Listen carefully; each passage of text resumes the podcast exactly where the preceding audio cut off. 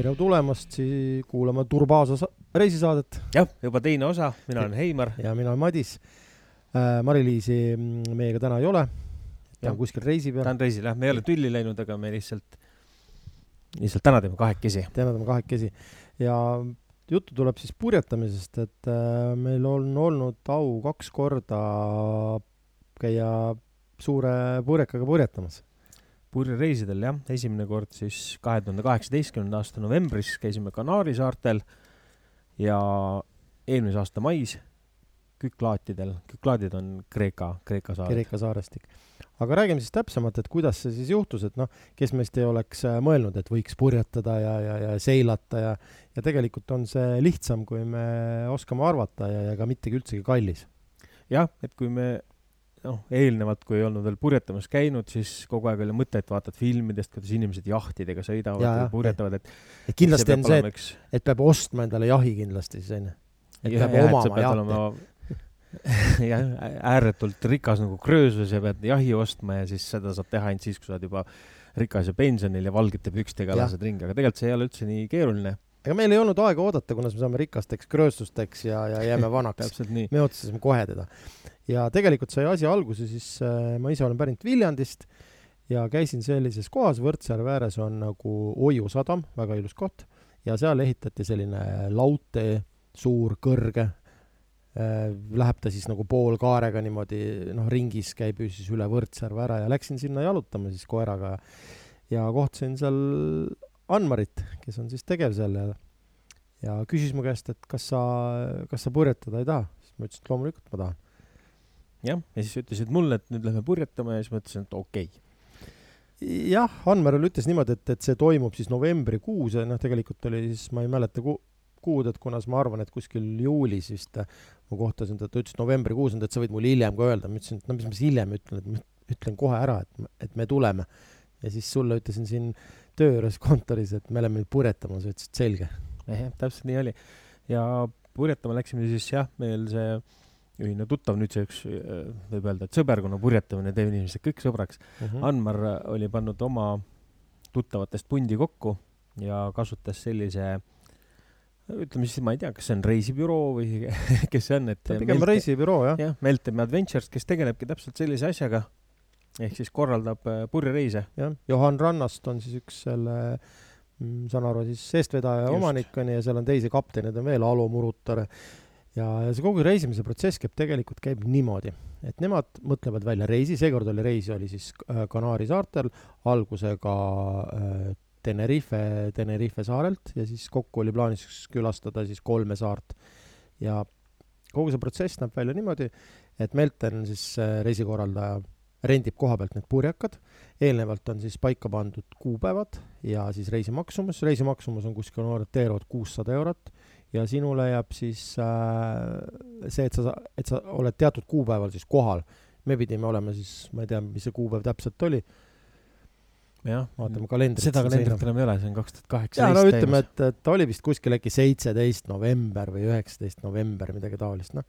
päev varem siis läksime kohale lennukiga ja ja, ja, ja nii ta käib. Aga räägi, Eimar, et kuidas, kas, kuidas need purjekad siis on ja kuidas selle meeskonna komplekteerimine käib ja see, et see on eelnevalt tegelikult teada? jah, need pannakse ennem kõik paika, et on teada, kes siis sõidavad ühe purjeka peale mm, orienteeruvalt, kui võetakse siis kas üheksa või kümme reisijat kuskil seal, need purjekad on, palju nad on jalgades, viiskümmend jalga vist olid meie, meie, meie sõitsime see on siis umbes seitseteist meetrit. või natuke alla selle, jah. Nad on ikka suured? Nad on ikka suured, seal on sees, noh, kui seal kümnekesi sõidad, siis on mõnusalt ruumi, ütleme, et äh, neli kajutit. üks, kaks, kolm, neli, viis kajutit isegi. viis kajutit? oli meil, millega me käisime Kanaaridel. aa, jaa, jaa, viis kajutit. nina sees veel üks.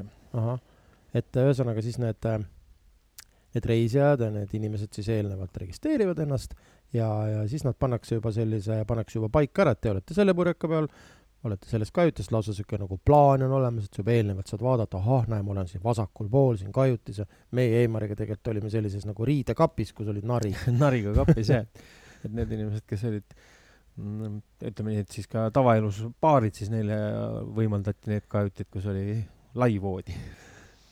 et jah, ja siis äh, tegelikult äh, määrata, või tähendab jah, ennem ei määratud, aga kui me juba sinna kohale jõudsime, siis ähm, igaüks saab ka tegelikult äh, rolli seal laeva peal, et päris sa võid seal sõita ka sellist priisõitu või lihtsalt jalad mm, -hmm. jalad äh, seinal vedeleda, aga, aga tegelikult on, et määratakse kokk, laevakokk määratakse, kelle vastutada jääb siis kogu proviandi organiseerimine, et loomulikult ta ei pea üksinda ära, kõike ära ostma ega proviant on siis no toidukraam, ütleme. toidukraam.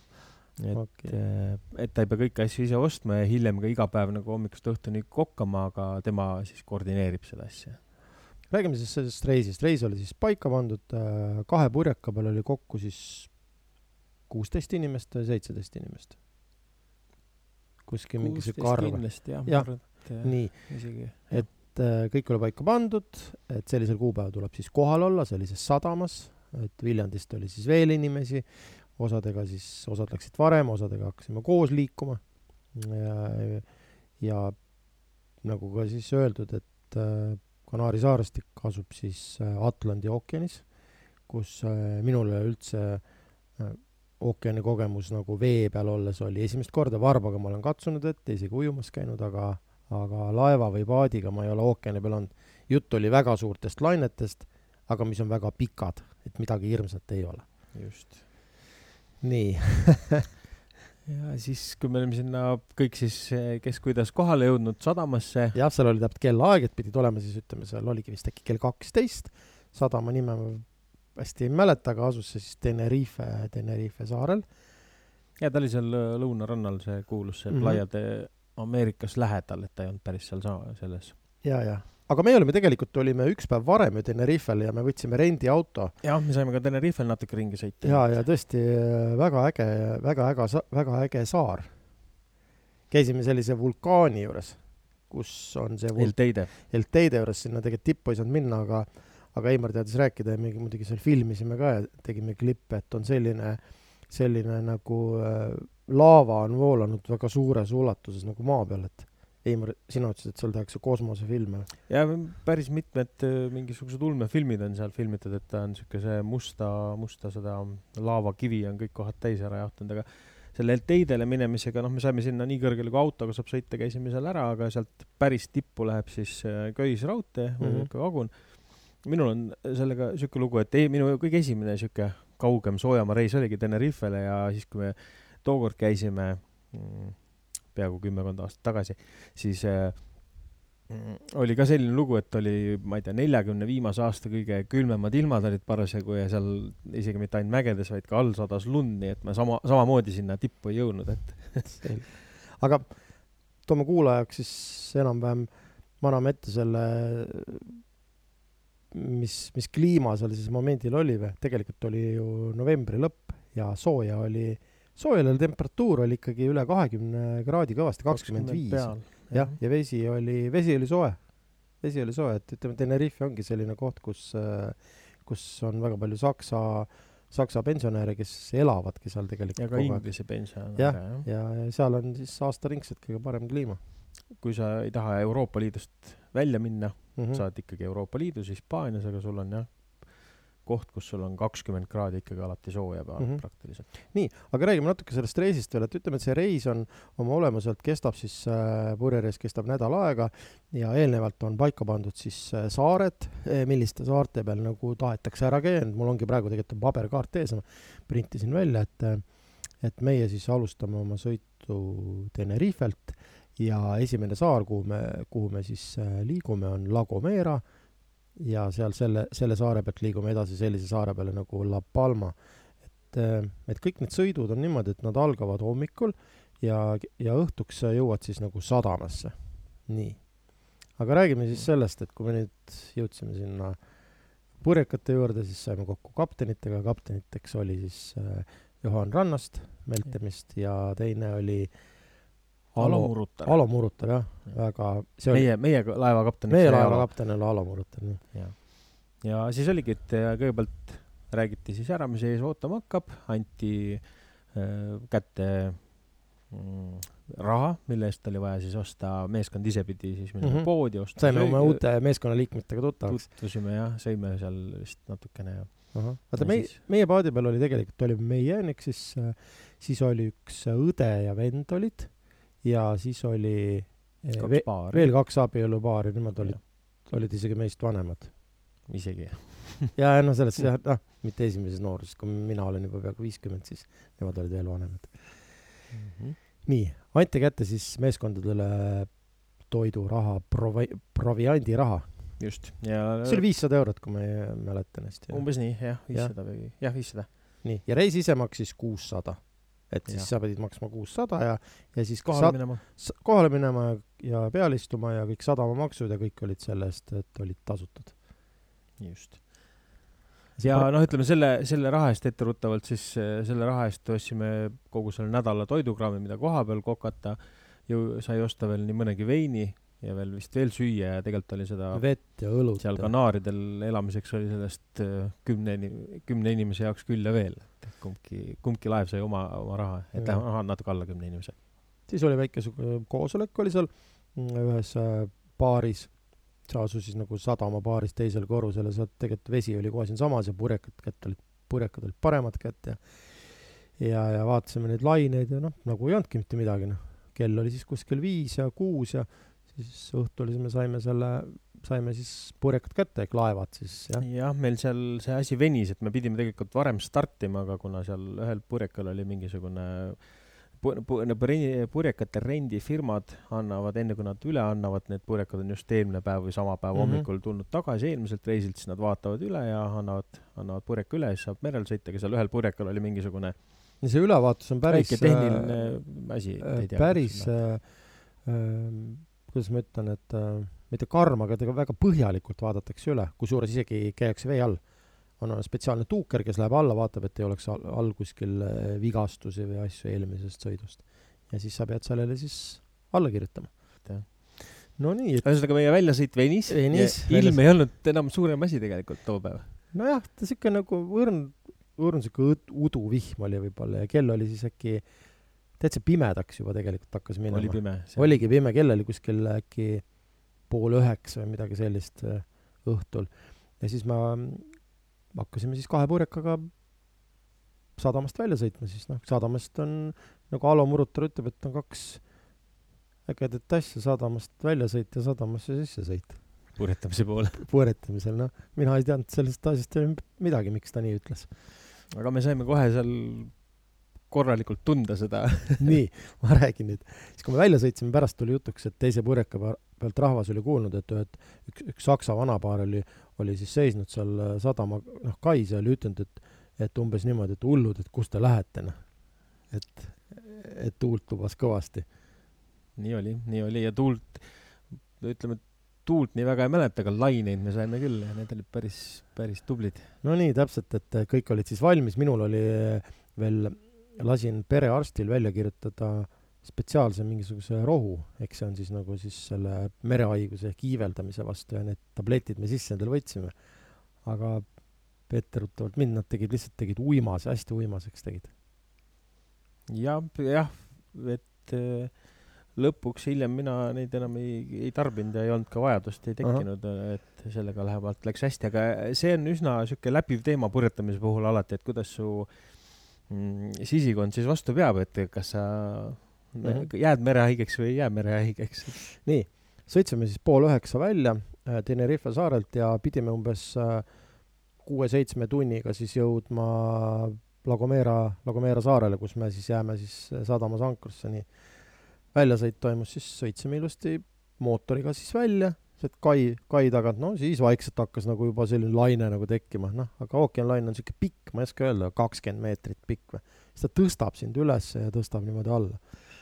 istusime seal kõik siis selles tagumises osas, seal on kaks rooli ja kapten pani endale selga sellise spetsiaalse vesti ja siis kinnitas ennast karabiiniga, kinnitas veel trossiga ennast nagu laeva külge, siis ma vaatasin kohe, et ohoh, et, et nalja vist ei ole seda, noh ja võttis sellise mõnusa asendi sisse ja siis hakkas laine tõusma. tõusis jah, see, see tunne, kui sa ühel hetkel ähm, noh, sul ei ole nagu otsest taustsüsteemi, mille järgi seda hinnata, aga kui sa ühel hetkel tõused nii kõrgele ja teine, teine jaht, mis on siis suhteliselt lähedal, kaob laine põhja niimoodi ära, teise laine põhja niimoodi ära, et sa ei näe teda enam. okei okay., noh, kuigi see Tenerife saar on kogu aeg nagu noh, valguse saar on siin paremal, nii. ja siis see laine lihtsalt, noh, ta ei tee midagi hullu, et ütleme, et noh, et ma toon näite, et kui me istume seal keskel on laud, et kui sa paned sinna pudeli siia laua peale, ega selle pudeliga midagi ei juhtu. aga ta lihtsalt nagu tõuseb. ja niimoodi tõuseb, ütleme, et meeter, kaks meetrit kõrgele ja siis uuesti niimoodi alla. ja lõpuks läksid lained nii suureks, et siis hakkas juba vett viskama ja siuksed matsud käisid ja küsisime ka siis äh, kapteni käest, et kui suured need lained siis on, ta ütles, et noh, et mõned on, noh, näiteks see oli üle nelja meetri noh, te kujutate ette, kui te istute nüüd korteris on ju, tavaliselt korteri lagi on kuskil kaks kaheksakümmend, siis pange sinna veel, pange sinna veel üks meeter otsa, et, et selline on see amplituud siis, millega sa käid üles ja alla, noh, sa ei käi seda kiiresti. niimoodi ütleme, et tõused, tõused, tõused, tõused, tõused üles ja siis lähed alla. ja siis tunnen, et nagu hakkab keele alt sihuke imelik, siis pandi sinna mingit ingverit keegi andis. ja, jah. kuidas sul oli see algus?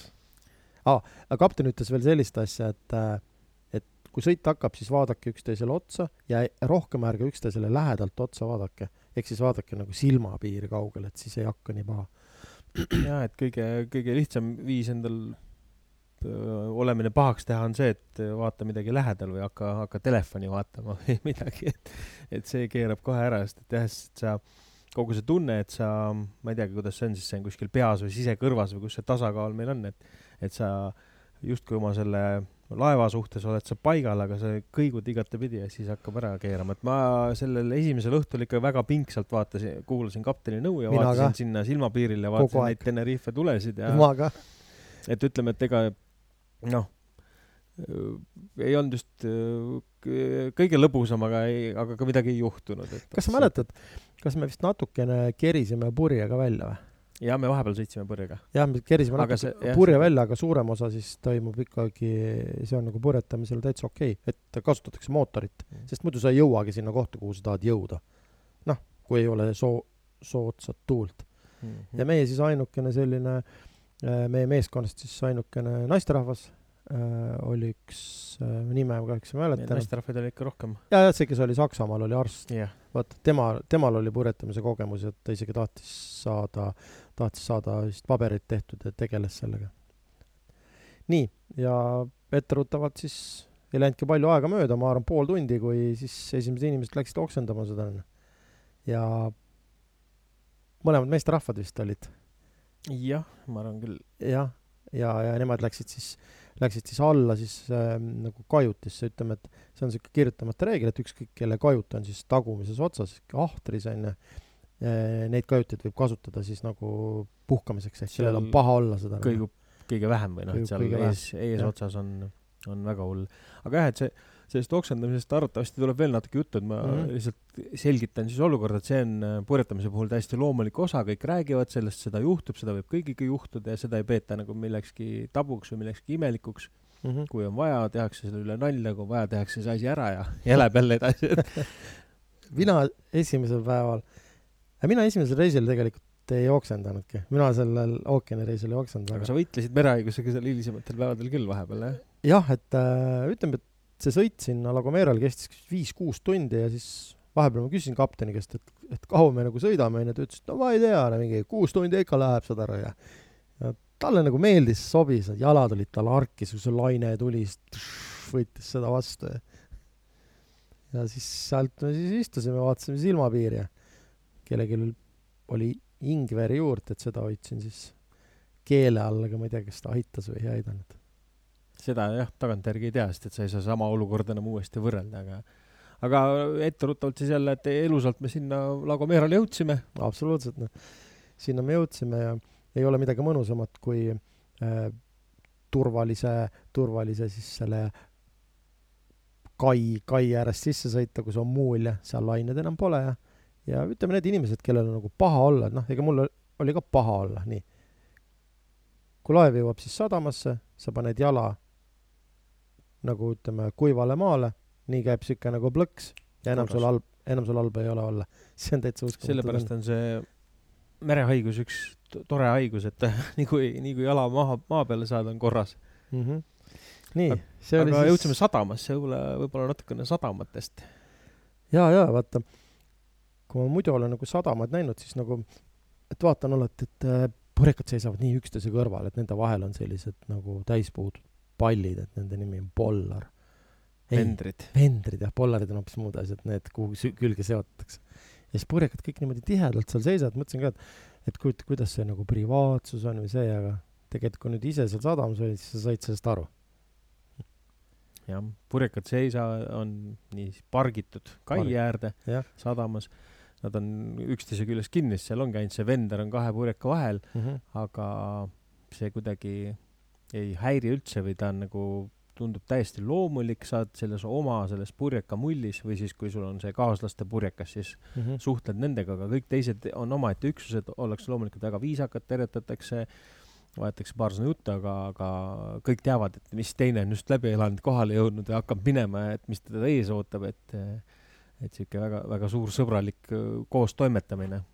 jah, ja ütleme, et see sadama territoorium on oma olemuselt kinnine territoorium et kui nüüd mingi purjekas või laev siis äh, jõuab sinna sadamasse, siis sind võtab vastu sadamavaht, kes näitab, kuhu siis äh, purjeks parkida, annab sulle elektri otsa, annab sulle siis äh, veevooliku, kus sa saad tankida vett ja elektrit, ja samamoodi võtab kapten siis kõikide dokumendid ja nagu ta ütles, et möllib meid maale. just. et see on niisugune dokumentatsioon, et ei ole niimoodi, et sõidan, kus tahan, teen, mis tahan. jaa, ei, seal on ikkagi omad protseduurid sisenemisel ja mm. -hmm. sest ju keegi, keegi ei tea, meie küll sõitsime ühe riigi piires nii-öelda, aga sa võid ju tulla merd mööda kust iganes. täpselt. ja sadamas saab siis käia kindlasti tualetis, saab käia duši all, saab pesta pesu, pesumasinad on seal.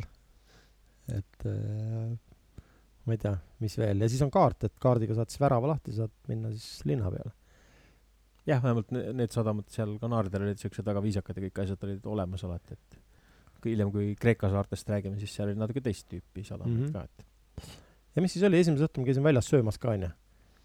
jah, minu jaoks oli, ma arvan, et see oligi jah, esimesel õhtul oli, mis oli söögielamus oli minu jaoks, ma tahaks sellest kohe rääkida, oli tuunikala mina olen tuunikala konservi enne. täpselt nii, sama, minu jaoks oli ka tuunikala olnud siuke imepisikestest äh, tükkidest koosnev asi, mis on õlis, noh, mida sa võid süüa, pole viga, aga aga kui me seal söögikohas saime tuunikala, ma ei tea, steik oli ta vist isegi nimetatud mm, -hmm. siuke suur, suur tükk ja see maitses väga oivaliselt, et siis minu jaoks see, see, see toit sai küll hoopis uue tähenduse, see kala.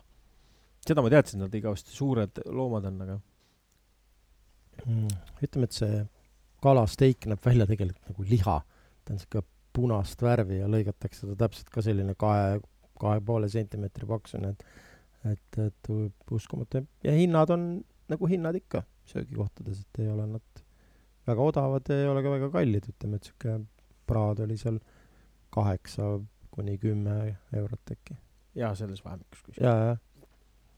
aga noh, toidu tegemiseks läks meil siis järgmine päev, noh, sest ju purjekal on, on olemas gaasipliit, sügavkülmik, noh, kõik, kõik asjad. täisköögivarustus mm. -hmm on ja köök on veel selline, et on võimalik isegi ho-, sõidu pealt süüa teha, et eh, kuidas siis on, pliit on selliste, liigub nagu, kiigub selliste hingede peal, et ta hoiab ennast alati loodis, sõltumata sellest, mis asendis parasjagu purjekas on. ja, jah, ja, ja pott, supipott siis kinnitatakse selliste klambritega, kinnitatakse sinna külge, noh mm -hmm.. aga ta, ma räägiksin nüüd natukene, korraks hüppaks ühe teise teema peale, noh, kui oleme tagasi et äh, ma läksin siukse teema peale nagu WC. et see oli ja. väga ülioluline teave, kui me alustasime sõitu. et äh, kolm WC-d oli purjeka peal ja seal oli selline kolm oli tookord oli selline meil, reegel, et ta näeb natukene välja nagu ütleme, et kui sa sõidad äh,, kui sa sõidad näiteks äh, Rootsi laeva peal selline, ta ei ole üldse suur ja seal ja. on niimoodi, et kapi tõmbad ära, ma ei tea, osades veel olid, kajutites olid, ma mäletan Rootsi ajal, kapi tõmbad ära, siis sellest moodustub dušš ja kuidagi niimoodi. ja see põhireegel number üks oli see, et WC-potti ei tohi mitte midagi visata, kaasa arvatud ka paber. ja, ja siis äh, kogu see protseduur käib niimoodi, seal on mingisugune lüliti on, kõigepealt siis sa lähed siis sinna poti peale ja siis on selline pump. Pump on nagu, ma ei oska öelda, lihtsalt sihuke hoob on, mida sa üles-alla liigutad ja siis sa liigutad seda, ehk siis pumpad sinna vett sisse siis oled vetsus ja siis keerad seda nuppu, siis pumpad selle välja ja siis uuesti pumpad teist vett sisse, et ühesõnaga kolm korda tuleb seda pumpa pumbata. see oli jah. jah, ja öeldi, et kui seda ei tehta, siis need äh, vetsud lähevad umbe ja siis selle puhastamine maksab kakssada eurot ja igas sadamas neid puhastatakse, aga meil seda ei, ei, ei juhtunud, et see on üks ülioluline asi purjetamisel. jah, kindlasti neid olme, olmeteemasid tuleb ära, natuke veel, me juba põgusalt rääkisime, et jah, nüüd WC-st ja oksendamisest, et eh, kuna need inimesed kõik seal elavad ikkagi, ütleme, me mahume siin laevale kõik ära, aga olud on eh, kitsad ja me peame seal üheskoos elama, siis need teemad alati tulevad, tulevad jutuks. tegelikult on seda ruumi päris palju. minu arust peaks all olema, ma et ainult viiskümmend ruutu, see on nagu korralik kahetoaline korter. aga noh, need kajutid on väiksed, et et purjeks tegelikult on niimoodi, et kui sa peale lähed, siis taga on siis see lahtine osa, kus on need roolid, seal on laud kaks, no siuksed pingid. kokpitiks kutsutakse. jah, kokpit, sealt läheb nagu trepp alla ja seal on siis äh, köök ehk siis kambüüs. jah, me saame ka siuke laud ja istumise kohad ja siis edasi on kaju, kajutid, et, et, et väga mugav on. Aa, üks asi veel võõratamise kohta, mida, mis alg-, alguses kohe mainiti, on see, et kui sa liigud äh,, liigud purjeka peal, noh, mis liigub vee peal, siis peab sul al-, alati olema üks käsi enda jaoks ehk see tähendab seda, et sa ei tohi lasta lahti korraga kahte kätt. et päris raske on seda alguses nagu, nagu tunnistada või noh, et mis ikka juhtuda saab, aga ma ikkagi proovisin sellest reeglist kinni pidada seda. Ja see on üsna tähtis jah, igasuguse veesõiduki peal tegelikult. jaa, et, et, et sihuke väike jõnks ja see võtab sul jalad alt ära ja kuskilt kinni ei hoia, nii sa upelgutti lendad seal. ja hiljem jällegi etteruttavalt Kreeka saartel meil õnnestus teha siis mees üle parda koolitus, et see, sellest me räägime hiljem, aga et, et kui midagi juhtub, et sa üle, üle käid, siis tagajärjed võivad olla päris, päris nagu. jah, et jah, kindlasti ei tohiks niisugust asja teha, et, et hüpata vette või midagi sellist. Ütleme, et kapten on ikka kõige tähtsam. nii nagu kapten ütleb, nii jääb. ja kapteni sõna maksab mm. -hmm, täpselt. ja selle alkoholi tarbimisega on samamoodi, et noh, natuke veini ja natuke õlut seda võeti kogu aeg, aga keegi otseselt purjus ei olnud. jah, mis meil jäi ka veel mainimata, siis tegelikult äh, olid omad rituaalid ka olemas, et iga kord, kui me sadamast välja sõitsime, siis äh, valati ka laeva rummipudelist äh, törts rummi otse siis ookeani. ja see pidi olema virgin rum ehk siis äh, kinnine pudel? jah, see tehti, selle otsi-, ostsimegi spetsiaalselt eraldi äh, laeva rummiks ja siis iga kord, kui välja sõitsime, siis valati törts äh, vette, kes iganes siis seal asjadest hoolitses, et meil hästi läheks ja võeti ka ise lonks ja sõideti edasi. ei, sellega oli mingi täitsa omaette teema, et kapten ju äh, keeras seljaga meie ja, poole ta... ja, ja siis ta valas kolm tilka sinna vette ja siis ta rääkis äh, Neptuniga asjad läbi ja siis andis päripäeva või kuidas see käis, see, see pudel ja, siis no, läks? tehniliselt arvatavasti iga jah, kus, kus kuidagi tehakse, aga need ja. rituaalid on seal olemas. ei, väga vägev, ma mäletan, filmisin ka seda, et see oli selline, et vau, et selline see välja näebki siis nii, aga, aga Tenerifelt siis sõitsime selle saare peal nagu La Gomera eh,. Programm nägi välja selline, et me alati ööbime kui vähegi võimalik saare peal, nii et me ööbisime La Gomera saarel ja järgmine päev oli siis saarepäev, ehk siis ähm, Meltemäe Adventure oli rentinud kaks bussi, ehk siis äh, sellised üheksakohalised bussid ja, ja, ja me alustasime siis oma ringreisi ja tutvumist äh, saarega, La Gomeraga. jah Lagomera, mis, mis selle Lagomera koha esimesena meenub, noh, nad on kõik sellised äh, vulkaanilise päritoluga saared. ja siis, hästi lopsaka on..., hästi lopsaka, ütleme mm, põõsastiku ja puudega. jah, seal on jah, nad ei ole sellised kuivad klibused saared, mis tihtipeale mõned teised sama suured saared on täitsa puudest tabad, siis seal mm -hmm. ikkagi kasvas puud ja on loodus ja, ja mäe, ja siis saare keskel on siis alati see kõrgem osa endiselt, kas siis noh, hetkel puhkavad vulkaanid, et täpselt ei teagi, et mm. -hmm. mis mul Meerast jäi meelde see, et äh, sõitsime siis, mina sain olla bussijuht siis, bussiga sõita ja ühel bussil ja siis me sõitsime siis üle, üle terve saare ja me külas, tegelikult oli siuke ilm oli nagu vihmane, vihma sadas ja eriti, kui me mägedesse jõudsime, ma mäletan, et me olime täitsa siukse pilve sees juba otsapidi. ja, ja päris kõrgel nii. aga mis mulle väga meeldis, oli selline koht, oli nagu äh, loorberimets. et kõik teavad ju loorberit. kui sa teed uhhaad, selline roheline leht. Koosnevad lehtede või noh, loorber siis seostub alati selle väikse lehekesega. nii, aga seal oli mets, mis oli niimoodi, et see, et selline teerada läks all ja, ja need loorberid olid nagu kasvanud nagu üle niimoodi, et jäi niisugune nagu tunnel. Ja väga tihe ja siis selle Loorberi metsa kohta saime seal kohapeal nii palju teada, et et ta on üsna niisugune iidne taimestiku vorm, et et siis sel ajal, kui meil veel igasugused saurused ja elukad mööda maad ringi jalutasid, siis olid need puud samasugused, et sa, et oli võimalik siis mõnes mõttes ajas tagasi rännata mm. -hmm. Tenerifel veel siis peale selle Loorberi metsa külastamist La Gomera. La Gomerale, vabandust, käisime, käisime sellises kohas äh, söömas, kaptenid äh, teadsid seda kohta, mis asus äh, mägedes kõikide nende saarte peal on hästi palju tegelikult on ka matkaradasid, et erineva raskusastmega, et sa saad alustada ja, ja lõpetada kuskil spetsiaalsetes kohtades, aga me käisime söömas ja räägi see söögikoht oli tegelikult väga vinge oma perenaise poolest. jaa, absoluut, absoluutselt nii oli, aga ma korra veel, et need matkarajad, et sinnasamma söögikohta minnes, kui me läksime läbi Loorberi metsa sealt veel all Orgu sisse, siis äh, tulid ju vastu Eesti matka, matkagrupp. jaa, jaa, jaa, olid jah, väga lahe et aga seal söögikohas see oli selline noh, nagu nad seal vist kipuvad olema, sellised väiksed ja mäenõlva peal. mäenõlva peal, perekond peab seda tavaliselt ja siis see naisterahvas, meil oli, meid oli juba ette nagu äh, häälestatud või öeldud, et, et see kohvi,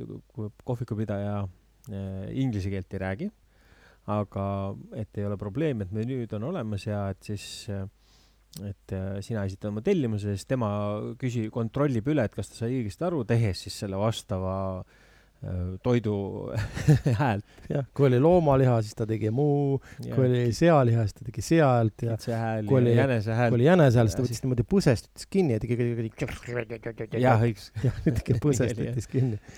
ja kui ta need söögid tõi, siis ta samamoodi tegi selle, selle häält ja siis kõigil oli väga lõbus ja mhm. ja loomulikult tõi ta toidud olid head toidud väga maitsvad ja sihuke puulaud oli pikk, ma mäletan, ja siis toodi sinna veini, veinipudelid arvatavasti kohalik vein, millel silti peal ei olnud ja siuksed väiksed klaasid ja sinna seda veini vallati. sealsamas koha peal tehtud arvatavasti jah. jaa, et see oli siuke väga, väga uhke. nii. aga teeme siin äkki väikse pausi ja siis jätkame. jätkame siis juba järgmise saarega ehk siis äh.... La Palmal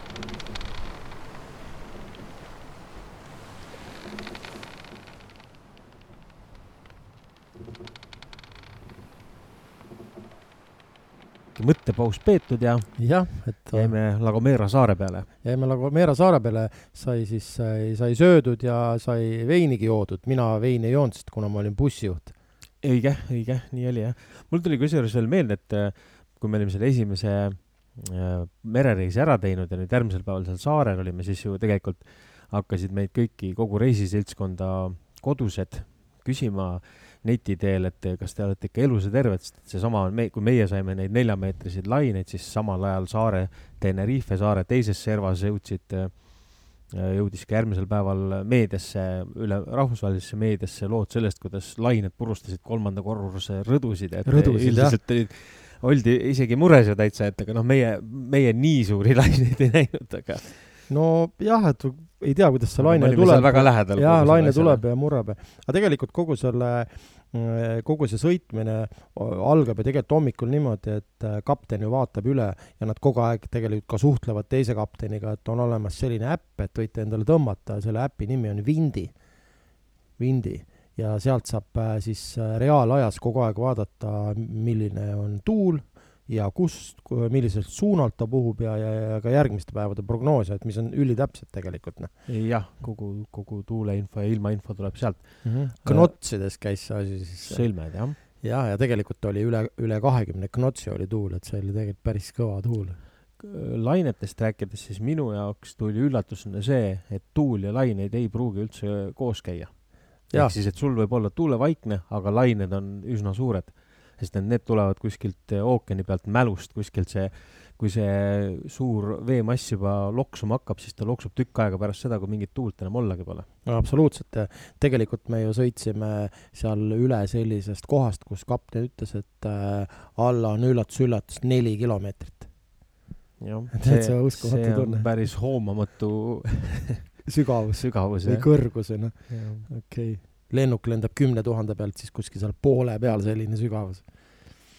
nii, aga, aga lähme siis La Gomeralt edasi, et tegelikult me siis jõudsime ööpimeduses siis La Gomerale sadamasse ja, ja järgmisel hommikul me siis äh, terve järgmise päeva me olime seal saaretuuril. ja saaretuuril jah, sellest järgneval hommikul ja sellest järgneval hommikul siis alustasime sõitu järgmisele saarele ja see on, kõik need sõidud ongi siuksed viie-kuuetunnised, et noh, kui sa hommikul välja sõidad, siis sa oled sa õhtuks seal kohal ja selle saare nimi on siis äh, La Palma. La Palma jah. La Palma on nüüd, kui mul kaart on, paberkaart on käes, siis ma vaatan, et ta niimoodi pindalalt ta tegelikult ei olegi, ei olegi suurt vahet siis La Gomeraga, et ta võib-olla kujult natuke rohkem ümmargusem. La Gomera oli natukene pikergusem, aga pindalalt ma võin öelda, et nad on sarnased või, või natukene väiksem. Aga räägime sellest purjetamisest siis vahepeal, et äh, La Gomerat me sõitsime välja vaatasime seal veel siis vaatamisväärsusi, mingisugused tuuleviled või kuidas neid nimetati seal. aa ah, jaa, mingit Kalju, Kalju ser-, Kaljuranda. nii, jaa, aga nüüd me saime sõitma siis hommikul. kuigi kas mul on õigesti meeles, et La Gomeral jälle sätiti meie laeva mingisuguseid seadeid seal õhtul? ja meil oli selline asi, et kui me tegelikult Tenerifelt välja sõitsime, siis meil ei- ei tööt-, ei töötanud äh, gaasipliit, ehk siis me ei saanud Mhm. äh,, ei saanud süüa teha. noh, ei saanud süüa teha, ei saanud kuuma, aga sellest ei olnud ka mitte midagi, sest võileivamaterjal ja salatid ja, ja vein ja õlu ja see kõik oli olemas ah,. ma korra veel tulen nagu La Gomera peale veel tagasi, et äh, La Gomera ei, see oli ikkagi La Palma, kus oli Columbuse see viimane on La, Palma, sinna me jõuame. jah, jah, sorry. ehk siis me niimoodi suuna oleme võtnud ikkagi rohkem, järjest rohkem äh, lääne suunas. Mhm. ehk siis Ameerika poole. just. nii, minul on see põretamise see etapp La Gomera, La Palma on nagu väga nagu noh, mul ei ole väga palju midagi rääkida, sest äh, mind tabas merehaigus. sa pikutasid seal all äh, ja, ahtrikajutis. ja ma räägingi, kuidas hakkas, sõidame rahulikult ja, ja ma tunnen, et selline nagu külm higi tuleb otsa ette ja, ja ja kuidagi nagu ei ole noh, noh muidu ma olen väga terava mõistusega, siis nagu tol hetkel nagu tundsin, et nagu ei ei ole nagu kõige teravam, nagu ei saa aru täpselt, mis toimub, sihuke nagu uimasus ja selline tuleb peale ja ap- apaatsus ja ja siis mõtlesin, et äh, et lähen heidan siis alla sinna pikali, et seal oli üks ka, üks teine härrasmees oli seal ka veel all ja siis ma magasin seal tunni ja ja, ja siis ma veel pikutasin seal veel vist äkki kaks tundi, isegi kolm tundi, enne kui ma sealt välja tulin.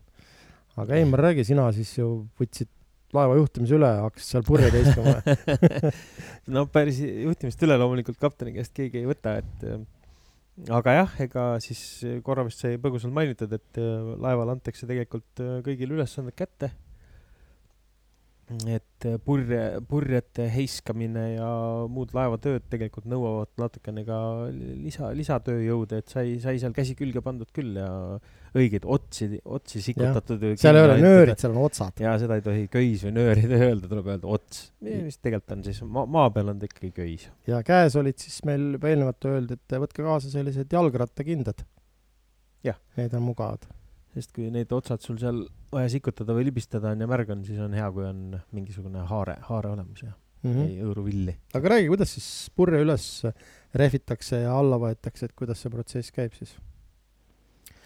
nojah, nüüd sa panid mu siukesesse olukorda, et seal peab ju meelde tuletama, tükk aega on möödas ka, et ähm, mina mäletan niimoodi, et seal iga, iga siis masti juurde viivad äh, eri värvi nöörid, et iga eri Otsad värv otsad jah, nägid juba eksisin, et igal otsal on siis oma, oma ülesanne ja meile tegime veel sellise asja, et me panime sinna peale, panime sinna kõrvale, panime nagu mm, sellised valge tavalise siis klepeka või rullist on ju see paberklepeka ja kirjutasime sinna peale. jah, et kas see, see klamber või noh, mis kinni hoiab seda otsa, on nüüd äh, selleks, et äh, sisse purje rehvida või välja, välja tõmmata või? ja siis on selline ümmargune vänt on siis, mida vändatakse, ühtpidi on ta kiirem ja teistpidi on ta seal aeglasem. oli ka mingi spetsiifiline nimi, aga põhimõtteliselt oli ta siuke vintsilaadne asi. nii, ja käib siis asi niimoodi, et äh, kapten ütleb, et hakkame siis suurt purje välja tõmbama, ehk siis suur purje on kroot ja jah, siis ütled, laske selle klamber lahti, noh, ja siis Eimaril anti ülesanne, lase see klamber sealt lahti, kus see, siis see köis läbi läheb, siis siis loomulikult küsitakse üle, mis värvi see ja see roheline, see täppidega. see kohe meelde ei jää mm. -hmm. Mis oligi meeldiv, oli see, et kui alguses loed, et noh, et et noh, kui meile anti need nii-öelda juhendid ette, et mis meid ees ootab, et siis, et igaüks saab seal rolli, et kes on seal madrus ja kes midagi aitab, et siis mõtled, et huvitav, et kas see on siis nagu niisugune tõsine koolitus, et peab hirmsasti, hirmsamal kombel õppima, siis tegelikult käis kogu see asi äh, protsessi käigus, ehk siis me juba sõitsime merel ära ja siis aegamööda siis hakkas õpetama, et tee, kirjeldabki, et tee see punane ots lahti ja hoia sellest kinni ja keera see sinine triibuline ots sinna selle vintsi peale ja keerake seda vintsi, siis puri hakkab tõusma ülesse. et mingisugust hirmsat teooriatundi ei olnud, et noh, asjad, mõned asjad jäid meelde ja mõned asjad ei jäänud meelde, ma mõtlen siis siin nimesid, et Kroot ja see esimene puri oli vist Genu onju mm. -hmm. väike, väike paun seal ees. nagu umbes nagu, nagu, nagu teile kuulajad tuua nagu silme ette, et kui suur on purekas, noh, seitseteist meetrit on see pureka pikkus siis, noh, enam-vähem saate ju sammudega lugeda, noh, et kui palju on seitseteist ja masti kõrgus on kakskümmend neli, sest see on tohutult kõrge, noh. ja siis on veel selline asi, mis seal all siis üheksakümne kraadi all, see on poom. no see on niisugune viiemeetrine ja kui toimub siis nagu nõndanimetatud vahetat-, minnakse ühelt kursilt teisele, ehk siis alsitakse, siis see poom liigub ja sa pead olema üliettevaatlik, et sa selle poomiga vastu pead ei saa et see, see nõue oli ka seal.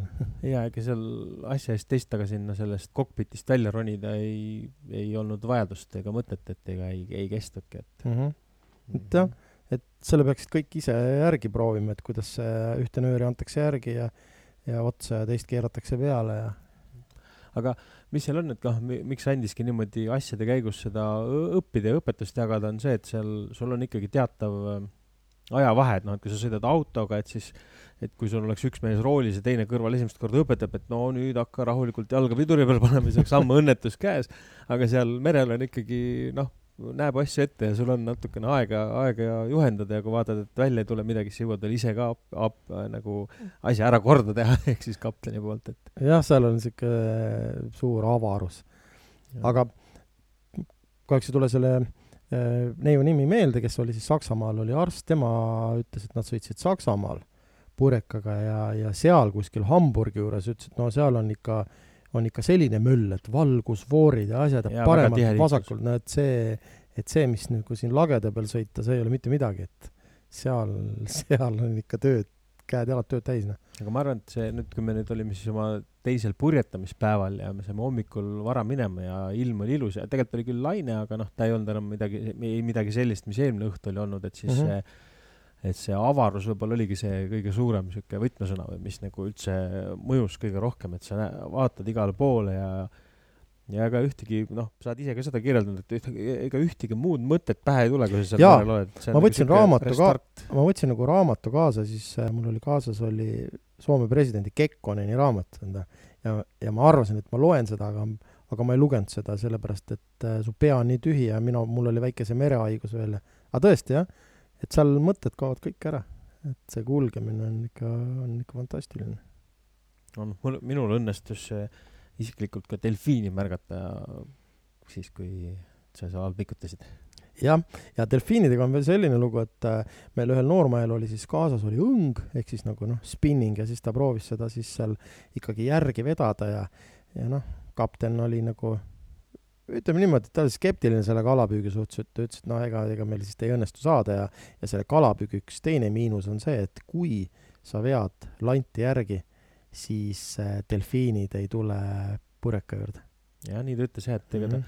ta otseselt ei keelanud, aga ega ta väga midagi ei arvanud ka sellest kalapüügi asjast. jah, mulle meie kapten väga meeldis, et siinkohal tervitan Alo Murutar ja et äh, kogu see esimene, esimene see etapp siis üldse, kuidas me noh, esimest korda purjeka peal olime, kuidas ta meile neid ülesandeid rääkis ja, ja ta rääkis vähe, aga ta rääkis väga konkreetseid asju, noh. ta ütles ühe asja, mis mulle jäi väga meelde, oli see, et äh, meri ei ole meie sõber, aga temaga on võimalik äh, läbi saada.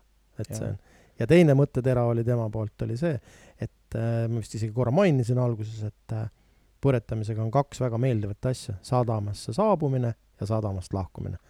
et ja need on siuksed ägedad tunded. läbisaamise koha pealt ta tõigi veel näite, et ta alati imestab selle üle, kui inimesed räägivad sellest, kuidas suured kõvad merekarud käivad merega võitlemas, et noh, täpselt nagu me ennem ütlesime, et kui su all on neli kilomeetrit vett, siis ja sina oled seal kahe meetri, noh, alla kahe meetri üldiselt mees, siis mida sa seal võitled, et sa pead kuidagi eluga välja tulema sellest? jah, ja tema, tema, tema on veel öelnud sellist asja, et kui reisi lõppedes öeldakse, et äh, mitte midagi ei juhtunudki, siis see on parim asi, mis võis juhtuda. ehk siis nagu mitte midagi halba ei juhtunud.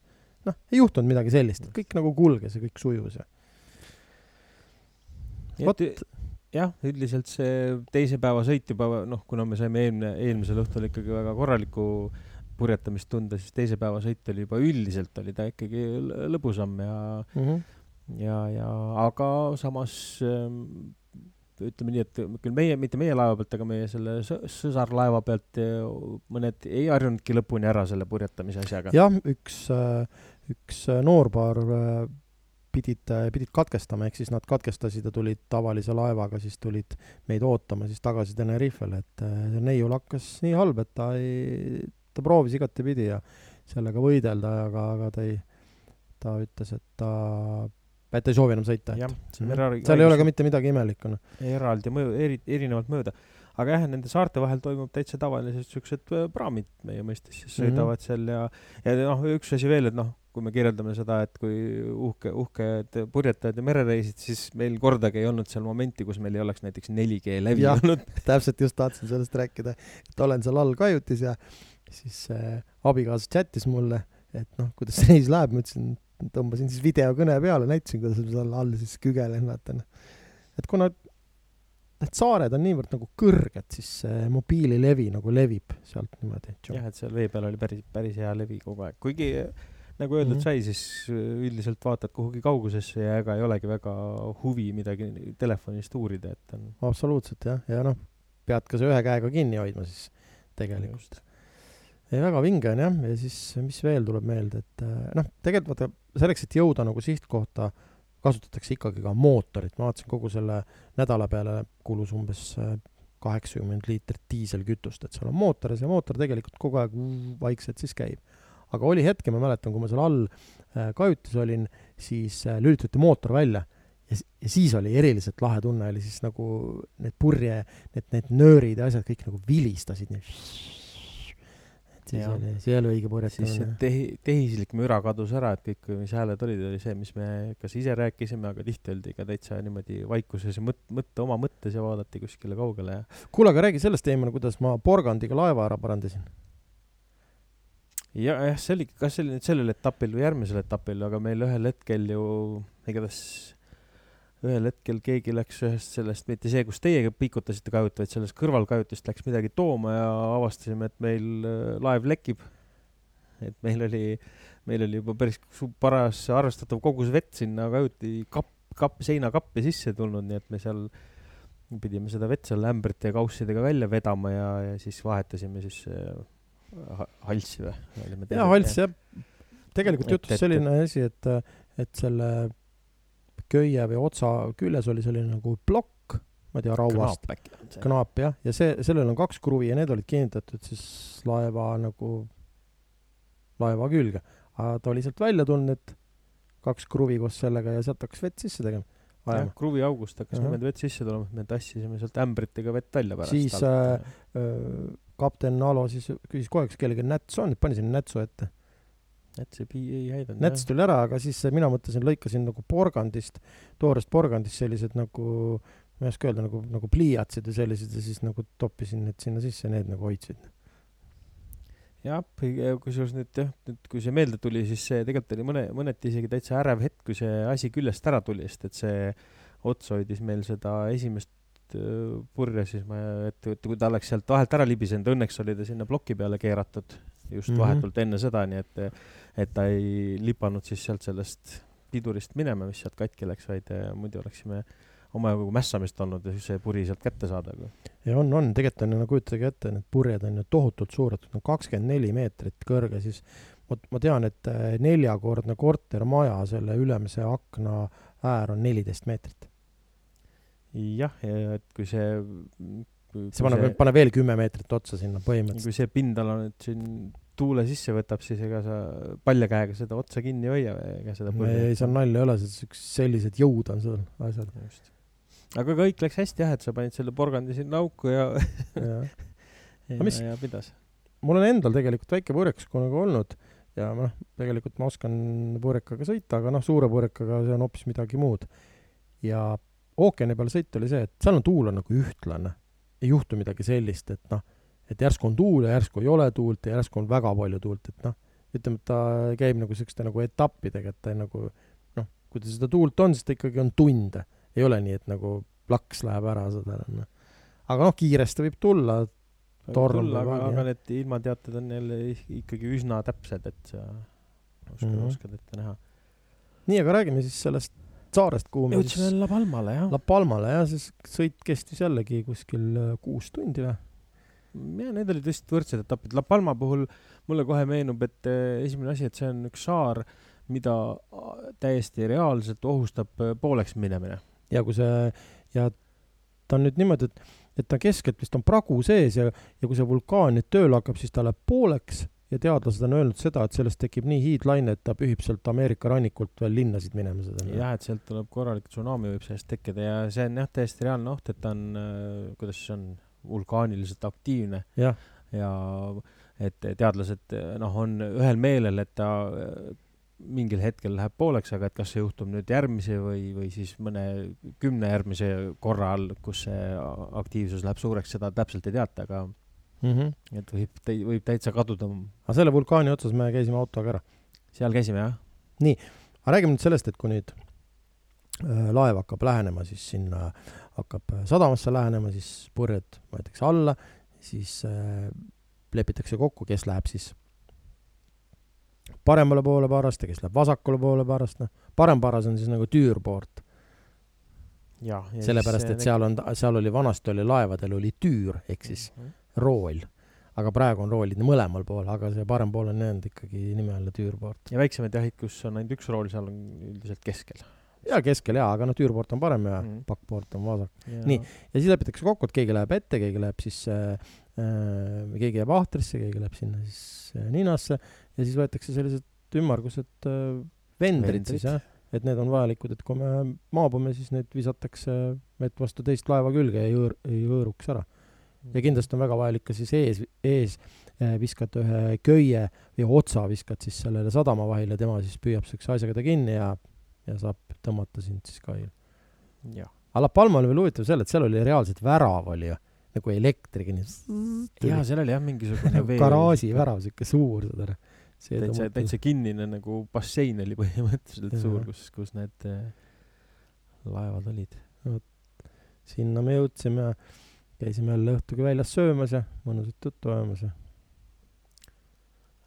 La Palma on siis aja, ajalooliselt ka üks üsna olulise jaa, seal on ju, see on ju, kui kol-, see on selles suhtes, et väga uhke tunne oli seal olla, et et kui Columbus siis oma kolme laevaga läks Ameerikat avastama siis äh, La Palma oli siis viimane saar, sealt edasi tegelikult ei olegi saari, edasi on ainult Ameerika.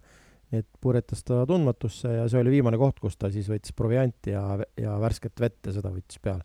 seal oli, oli Columbuse kuju oli ka, me käisime seal pilti tegemas. kuju oli ja seal oli tegelikult ka muuseum ja see laeva makett. laeva makett jah ja,, et milline ja jällegi üllatusena, et kuidagi kui neid lugusid kuulasin väiksemana või üldse kasvõi ajalootunnis, siis mõtled, et oh, et purjetasid, siis sa manad endale ette nagu suured purjekad, et need olid ikka suured laevad. Siis jõuame selle muuseumlaevani ja ütleme, et, ütleme, et päris pisike alus on ikkagi. päris pisike jah, ja huvitav fakt on veel see, et need purjed, millega meie oleme harjunud sõitma, ehk siis nagu nad on diagonaalis, et saab sõita vastu tuult igatepidi, see on siis, mis see Bermuda, Bermuda purjestus on ju noh, on praegu, aga sellel ajal, kui sõitis Columbus, siis sõideti ainult alla tuult. alla tuult ainult purjed. jah, jah, et ja kui tuult ei olnud, siis, siis nad seisid. Ja, ja huvitav asi oli see, et käisime seal laeva peal, siis see tüür, mida siis nagu tüüritakse, siis, siis Columbuse ja nende laevadel vanasti see üks pikk, pikk puukaigas oli seal niimoodi taga. üks jah, ja, ja, ja kui ma nüüd ei eksi, siis ega nendel ei olnud ka sellist äh, see, seda tüüpi kiilu all, mis on praegult nendel, näiteks sellel purjekal, mis meie sõitsime, et mis teeb tast siis hästi, tegelikult hästi merekindla asja, et ta nagu uppi minemine on äh, praktiliselt võimatu, et ta on nagu jonnipunn, istub sul vee peal, aga nendel Columbuse laevadel seda hullud mehed olid. Columbus läks kolme laevaga, mäletad neid laevade nimesid ka? tema laev oli Santa Maria. ja üks oli äkki Pin-, Pinta Pinta oli ja siis oli kolmas oli veel, aga noh, Jaa. kellel huvi on, siis guugeldage, otsige välja, et kolmekesi nad läksid. ma olen kogu aeg al- alati ka mõelnud seda, et et need muistsed meresõitjad, et neil oli tegelikult ju palju õudsem kui näiteks nendel, kes äh, nüüd hilisemal ajal on kosmost vallutanud või raketiga taevasse sõitnud, sest et siis tänapäeval, enne kui hakati kuule lendama näiteks, olid ju kõik arvutused ette tehtud, teati, kui kaugel see on, mis seal ees on, kõik asjad. aga need mehed, kes hakkasid sõitma, lihtsalt läksid otse. nad ju ei teadnud, põhimõtteliselt võis seal juhtuda, et varsti tuleb maailma serv, sa kukud sealt alla, et äh, no kaugele sa lähed, kuhu sa lähed, seda ei teatud. et jah, et päris uhke tunne oli seal nagu kõndida selle saare peal, et siin on Columbus on kõndinud ja siit ta otse läks, noh. otse niimoodi, vaatasid Ameerika poole, sinna ta minema hakkas, noh. tema hakkas India poole minema, aga jõudis Ameerikasse. vot. jah, La Palma siis samamoodi oli äh, renditud meil buss, noh, kaks bussi siis ja ütleme, see bussirent nagu ütleme seltskonna peale siis laeva peale tuli kuskil päevaks kaksteist eurot tuli inimene, noh, täitsa okei okay,, seal on kütus ja kõik oli seal sees. täitsa okei jah, et Jah. need olid seal mingid kohalikud rendifirmad olid. jaa, kohe sadama juures. kuule, aga räägi, meil tahtis üks võõras inimene tulla laiva peale. aga tema tahtis vist tulla juba La Gomeralt ja tahtis meiega koos La Palmale jõuda, eks ole. jah, jah, et ehk siis see etapp oli jah, et sadamas äh, oli üks äh, meesterahvas, kilekott oli tal minu arust käes mingi pamp tal oli ja mm, hakkas seal meie, kellegi meie meeskonna liikmetest ajas seal juttu ja siis hiljem läksid äh, kaptenid temaga vestlema ja pärast selgus, et tegu oli olnud hääletajaga. jah, et see pidi täitsa okei okay olema niimoodi. jah, et niimoodi inimesed sõidavad, aga see konkreetne mees vist oli ta oli venelane minu arust. jah, ja tal oli mingisugused dokumendimured ja asjad, et siis äh, me, me, meie ei hakanud teda jah, me teda peale turvalisuse. huvides ma olen näinud õudusfilme, sealt ainult jamad hakkavad. just. ta tuleb peale, siis paneb kirve, paneb kuskile sinna kompassi alla ja siis on kõik kadunud. et jah, et täitsa, ega ta ei olnud väga rahul, et teda peale ei võeta, noh. me nägime pärast teda linnas ka veel, siis ta midagi seal bravuuritses, mingi au-au-au ütles seda. aga jah, La Palmas, ma mõtlen, mis me seal La Palmal siis tegime? käisime La seal Palma, oligi see vulkaan. jaa, vulkaan jah, see oli, mis see kõrgus oli mingi, sa kirjutasid üles ka. kaks tuhat nelisada meetrit. merepinnast jah ja,, ja siis me bussiga tõusime siuke nagu keeru-keeru rada oli, läks ülesse, ma ütlen, et tegelikult oli ju, oli täitsa tunda seda nagu äh, survet, vaata, et sa üles jõudsid, mul täitsa silmade peal hakkas seda, aga oli udune oli, me väga-väga palju seal ei näinud. aga noh, võimas ikka. et me seal üleval olime, sellist kaugust ei hoomanud, vaata noh. seal sai ikkagi väiksed jalutuskäigud ka tehtud ja. nii, ja tegelikult oli plaanis siis La Palmat sõita veel ühele saarele nagu Herrosele, Herro peale jah. aga ilmataat näitas väga tugevat tuult ja veel tugevamat kui oli olnud, siis noh, kaptenid ol-, panid lihtsalt hääletuse peale, et kuidas tundub. et nemad nagu oleks selle etapi ära teinud, aga meie otsustasime, et, et äh, mis me ikka võitleme seal. et see on sõidetav, aga et see ei ole midagi tõ-, noh, ilmateadet vaadates ei ole see kindlasti ülearu nauditav. et kuna see viimane ots, isegi see El Hierrole oleks saanud veel ilusasti, aga sealt päev, millal me oleks pidanud El Hierrolt tagasi Tenerifel sõitma hakkama ja see oleks olnud ka kõige pikem distants, peaaegu kaksteist tundi sõitu vist Mhm. mm -hmm. umbes, siis, siis selleks näitas kehva ilma, et siis me, siis me otsustasime, et me jääme pigem üheks päevaks veel La Palmale. jah, ja siis tuleme sama rada pidi tagasi siis La Gomerale ja. Tenerife. aga La Palmal võtsime siis järgmise päeva, võtsime sellise ranna, rannapuhkuse, et sõitsime sinna kuskile randa, ookeaniranda. kas me sinna me täitsa, noh, mul on nüüd sassis minu arust, kas seal Palmal me teisel päeval üldse autoga enam ei sõitnud, vaid jalutasime sealsama linna peal ringi. jaa, aga mingil päeval me käisime seal rannas, jah, seda küll. et käisime ookeanis ujumas, et need ookeanlained olid tõesti, olid sellised, et noh, kui sa lähed vette, siis äh, see laine tuleb niimoodi, ta pff, läheb kuskile sinna randa, uhub mingi kümme-kaksteist meetrit ikka, et võib jalust maha tõmmata. nii, La Palmalt tagasi jõudsime siis uuesti La Gomerale ja La Gom-, räägime La Gomerast sellest, kuidas me käisime seal, seal on suured hipikommuunid tegelikult siiamaani., et kui me nüüd, kui minnes olime ühes sadamas, siis nüüd tagasi tulles äh, peatusime teispool, teispool saart ja Valle Gran Rey oli äkki selle sadama mm -hmm. nimi ja jah, või selle jah, sadamalinn ja selle linnas on siis tuntud koht, tuli välja, et tuntud koht, kus äh, hipid, hipid pesitsevad.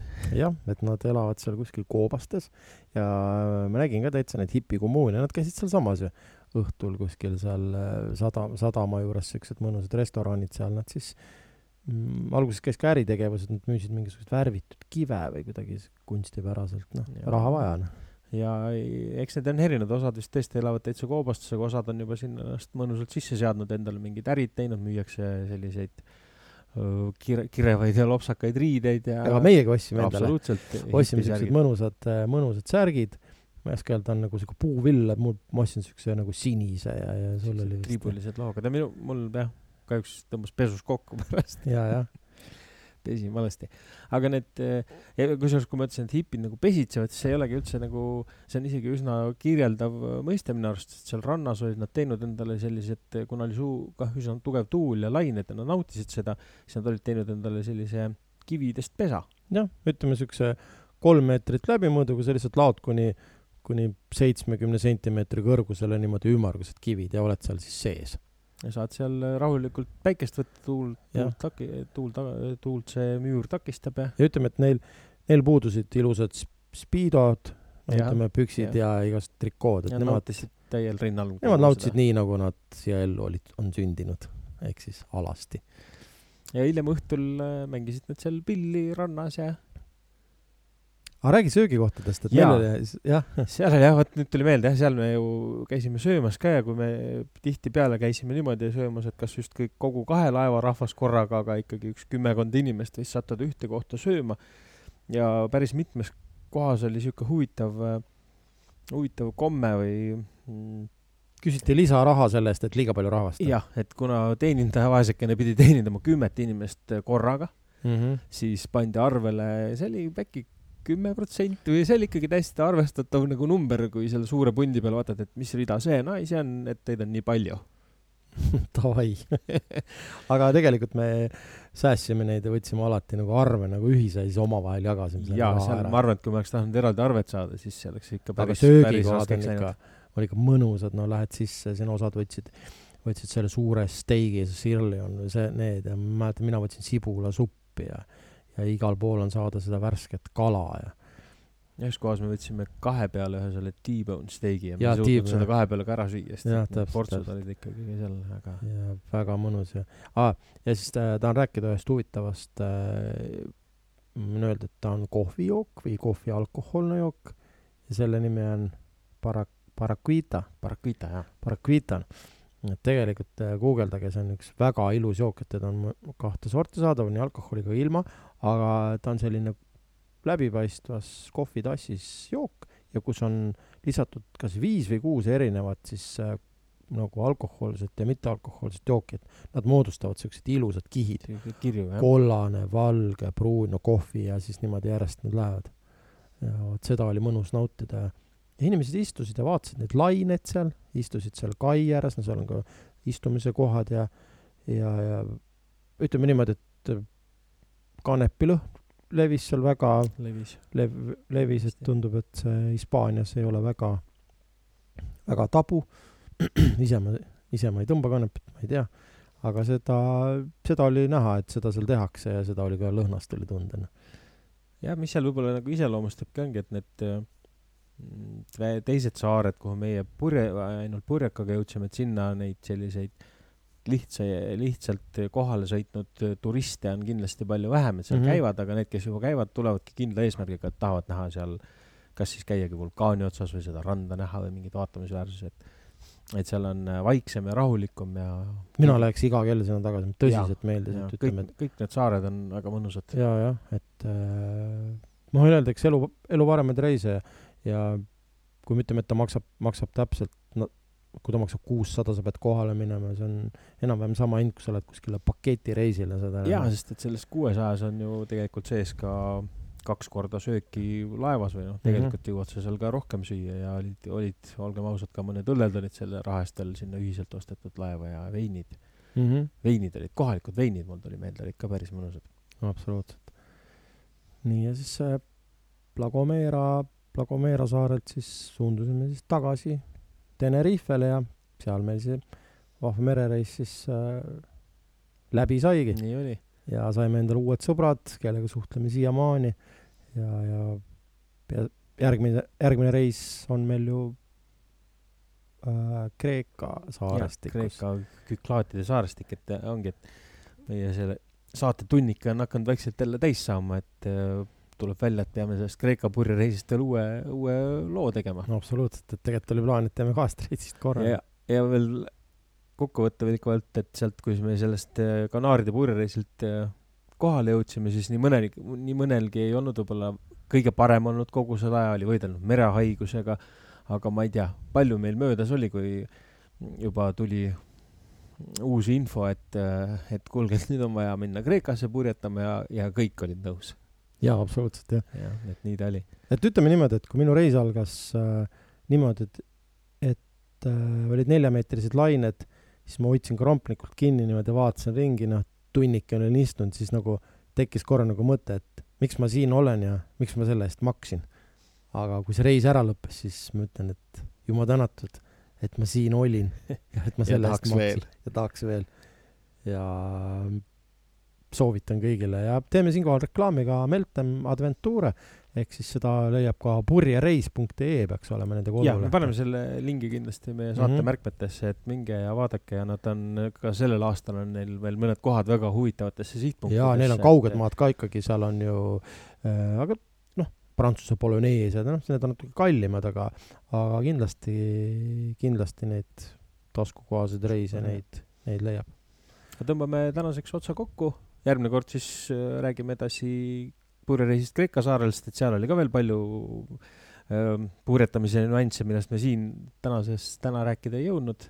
absoluutselt, sest seal me tegelikult ju äh, liitusime purjereisiga alles teisel päeval ja me lendasime äh, väikse lennukiga ühele väikse saare peale ja, ja sealt siis, kes ujus, kes sõudis purjekal, aga sellest juba järgmine kord. ja, ja kes te meid äh, kuulate veebilehel, meie koduleheküljelt, siis äh, ta, meie podcast Turbaasa on olemas ka kõikides podcasti rakendustes, otsige üles, subscribe ige ja teil on palju lihtsam meid, meie uutest saadetest teada saada mm,. aitäh, kohtumiseni!